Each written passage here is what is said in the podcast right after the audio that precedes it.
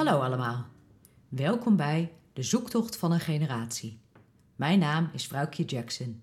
En in verschillende afleveringen ga ik samen met jou op zoek naar de uitdagingen en mogelijkheden die de millennial in zijn of haar leven tegenkomt. Deze bevindingen worden gebundeld in een online module die gezien kan worden als een gereedschapskist met handreikingen om psychische gezondheid te bevorderen en te verbeteren. Ik wens je heel veel plezier bij het luisteren naar onze gasten en hoop dat ik jou ook kan laten kennismaken met de kunst van het vooruitstruikelen.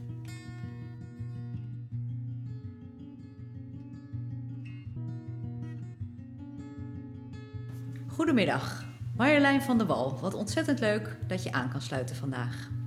Ja, hallo vrouwtje Jackson. Hallo, ja, heel goed. Uh, en we zitten in de uh, ja, wat gekke situatie uh, dat jij degene bent die mij vragen gaat stellen. En ik kan daar natuurlijk allerlei dingen over gaan vertellen. Alleen, ik denk dat ik meteen maar jou het stokje geef en daarmee de leiding van dit gesprek. Ja, spannend. Begrijp ik. Nou, ik, uh, ik mag jou uh, vandaag natuurlijk een beetje gaan interviewen over de vrouw achter de podcast en achter de millennial training. Um, maar misschien ook heel even kort over mij. Ik ben namelijk sinds kort jouw collega. Um, ja. En ehm, waarin ik erachter kwam dat jij die millennial training hebt ontwikkeld. Wat me enerzijds heel nieuwsgierig maakte uh, omdat uh, dat een hele leuke doelgroep ook is om mee te werken, maar ook heel herkenbaar vond ik. En dan vooral niet per se aan de voorkant, maar, voorkant, maar ook aan de achterkant in de zin van dat ik altijd geneigd ben om in de diepe te springen en daarna wel eens heel zelfkritisch kan zijn.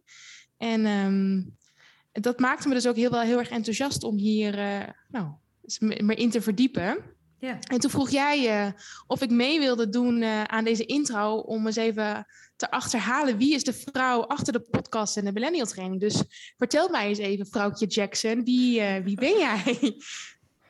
Nou, ik ben uh, vrouwtje Jackson en wat mensen vaak een, een ongebruikelijke combinatie van twee namen vinden. Want mijn voornaam is dus Fries en mijn achternaam is ja, Engels, maar Canadees in dit geval. Um, en dat komt omdat ik ben getrouwd met mijn Canadese vrouw, dus ik heb haar achternaam. Mm -hmm. En uh, we hebben samen een dochtertje van acht, dochter alweer. Uh, dus dat, dat over mijn naam. En verder uh, ben ik nou al meer dan tien jaar werkzaam als, als psycholoog. En wat je vaak na een opleiding psychologie doet, is nog een GZ-opleiding. Dus dan ben je gezondheidszorgpsycholoog. Uh, en dan mag je zelfstandig werken, dus dat uh, doe ik ook alweer zeven jaar, denk ik. En sinds uh, drie jaar bij Maasingen van Stijn, waar wij dus allebei werkzaam zijn. Ja. Ja, dus dat, daar ben ik toen beland. En dat is ook meteen, als je het hebt over van wat is, waar komt de millennial training vandaan? Nou, die is toen eigenlijk ook wat ontstaan. Want ik ben begonnen toen bij Maasingen van Stijn als GZ-psycholoog. En ook als zorginnovator. En dat was een woord wat we maar eens even verzonnen voor de dingen die we gingen proberen. En het ja, idee klinkt heel ook... exotisch. Ja, heel exotisch, ja, dat klopt. Uh, nou ja, het betekent dat we ja, gewoon leuke nieuwe dingen verzinnen. Soms in samenwerking met onze zustervestiging in Leeuwarden of met, uh, met, met Jamzone, het uh, innovatielab. en wat we merkten is dat er, nou, we zijn werkzaam in Groningen. Uh, ja, en er zijn heel veel studenten in, uh, in zorg. Dus de vraag was van, kun je daar ook eens iets voor bedenken? Van wat, wat zouden we daar nou voor aan kunnen bieden, zodat het wat makkelijker voor ze wordt en dat ze niet op die hele lange wachtlijsten hoeven te staan. Want je zegt ook hè, van dat, we, dat jullie hebben veel studenten. Wa, was er iets dan wat, uh, waarvan jij dacht als gezondheidspsycholoog, waarin we toch een beetje proberen, althans het uh, ja, proberen om de gezondheid, uh, de mentale gezondheid te bevorderen. Mm -hmm. wat, wat opviel in deze, bij die studenten, waar ze ja, tegenaan nou, liepen? Nou, ik ben eerst maar gewoon eens begonnen met behandelen zoals we dat altijd doen. Um, en toen ben ik eens gaan kijken van, ja, wat, is, wat zijn dat nou... Wat voor problematiek is dat nou? Uh, en nou, toen heb ik gekeken eerst naar een woord. Nou, de millennials kwam toen ja, vrij snel voorbij. Daar wordt ook heel veel over gepubliceerd.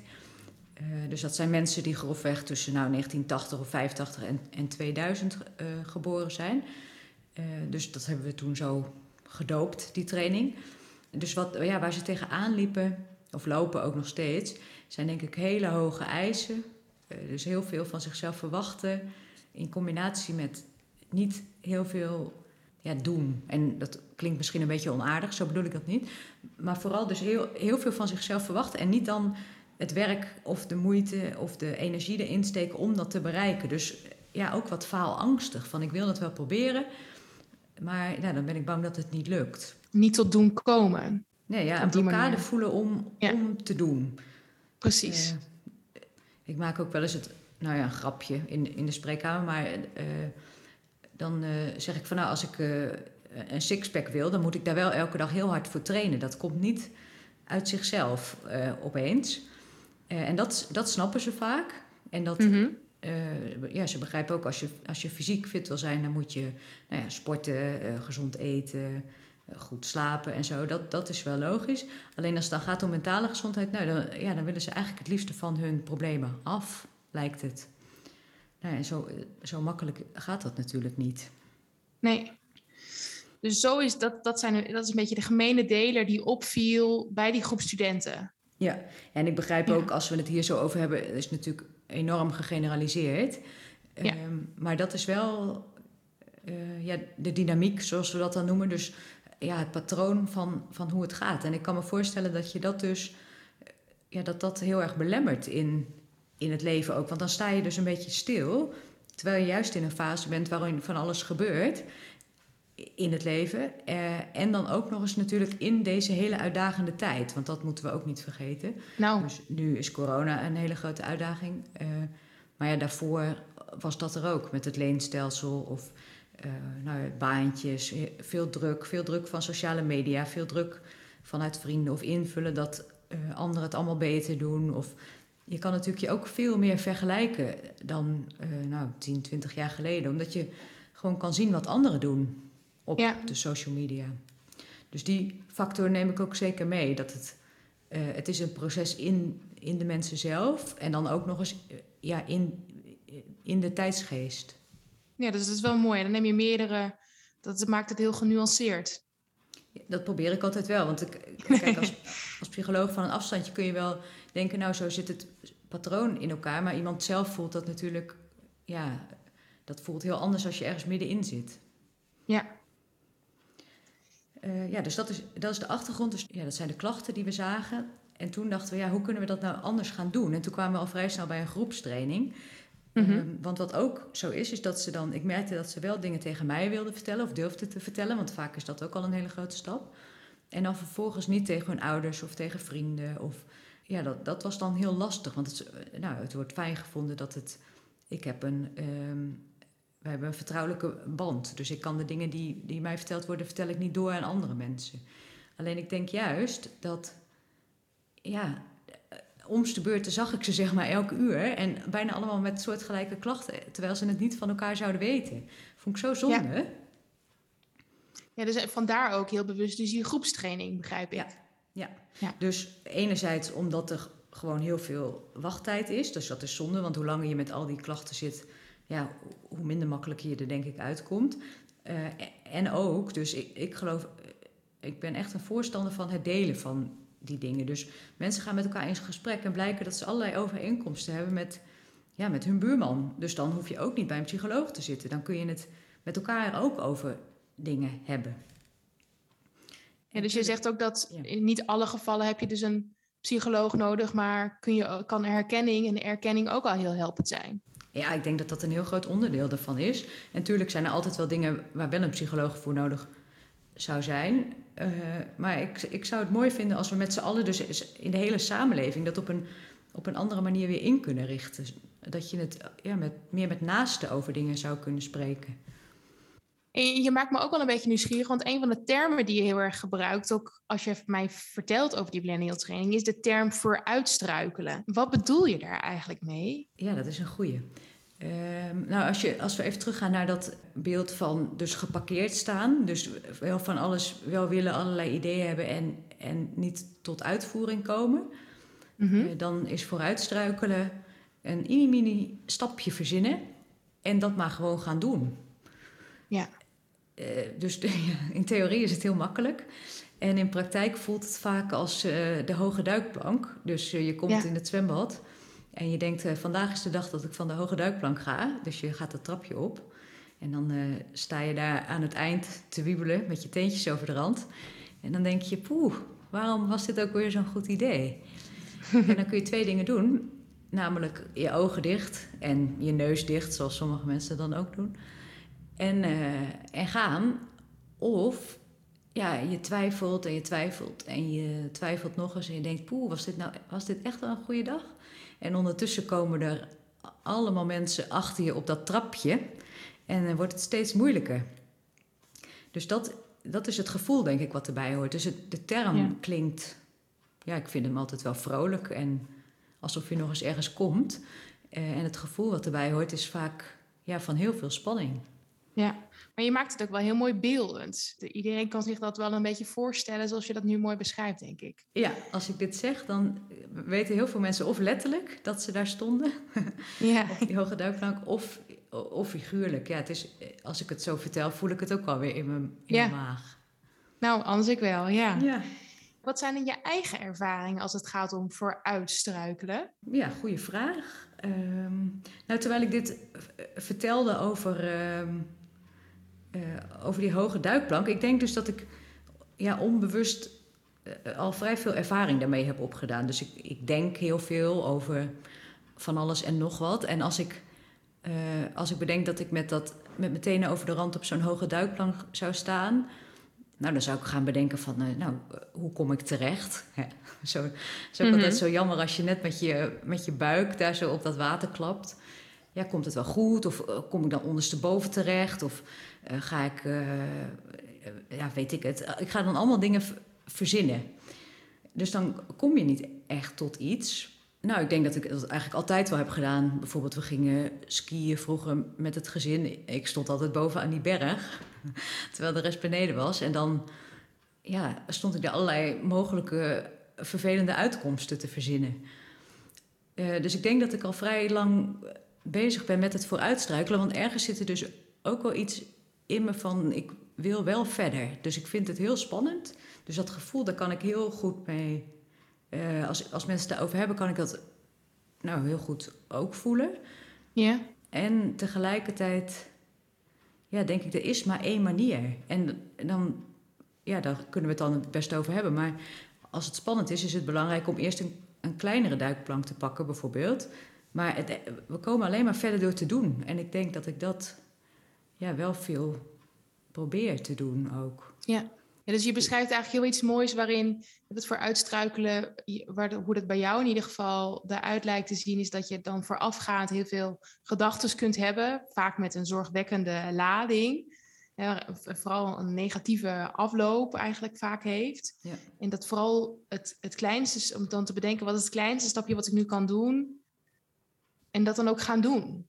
Ja, en als ik denk aan het skiën bijvoorbeeld, dan was het niet eens meer want je moet toch die berg af. Dus eigenlijk, als je maar gewoon gaat. En ja, je zou dan denken van als je dat één keer door hebt, dan doe je dat altijd. Maar nou ja, het parallelproces is nog steeds ook gaande. Nou, met de millennial training zelf, dat duurde even voordat ik dacht...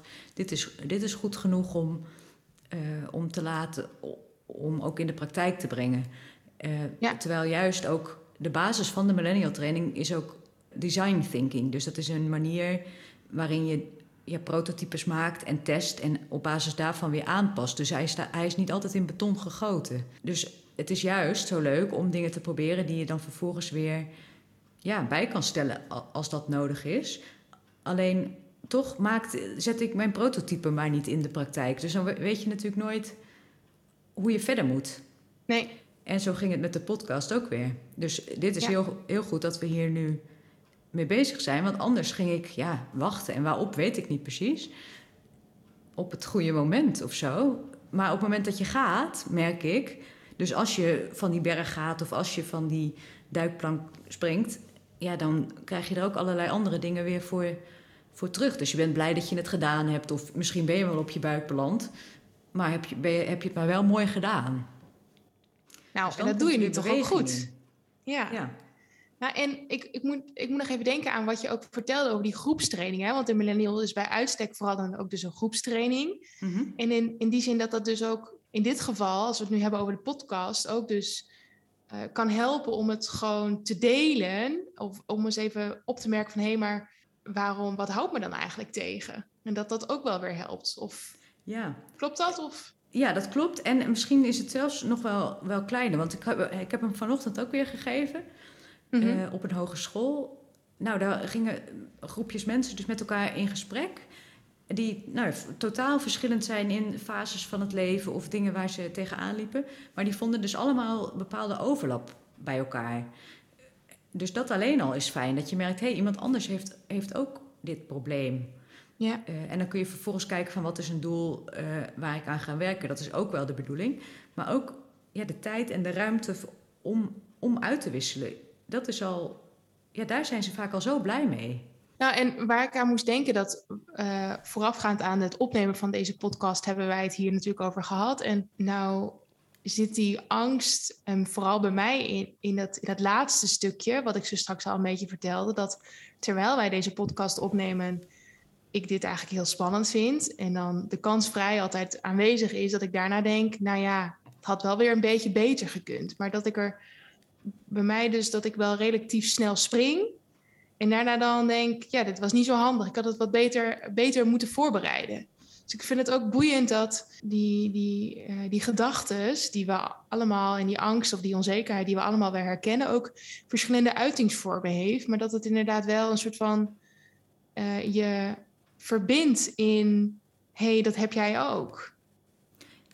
Ja, ik denk dat dat heel mooi is. Dus dat is misschien, ja, is dat toch een bepaalde eh, ja, kwetsbaarheid of zo die je dan allebei laat zien. En, en dat is denk ik heel menselijk. Dus misschien is de vorm Ja. wel anders. Want ik, ik zit me dan af te vragen, zou je dat van jou vooruitstruikelen mogen noemen? nee, denk ik niet.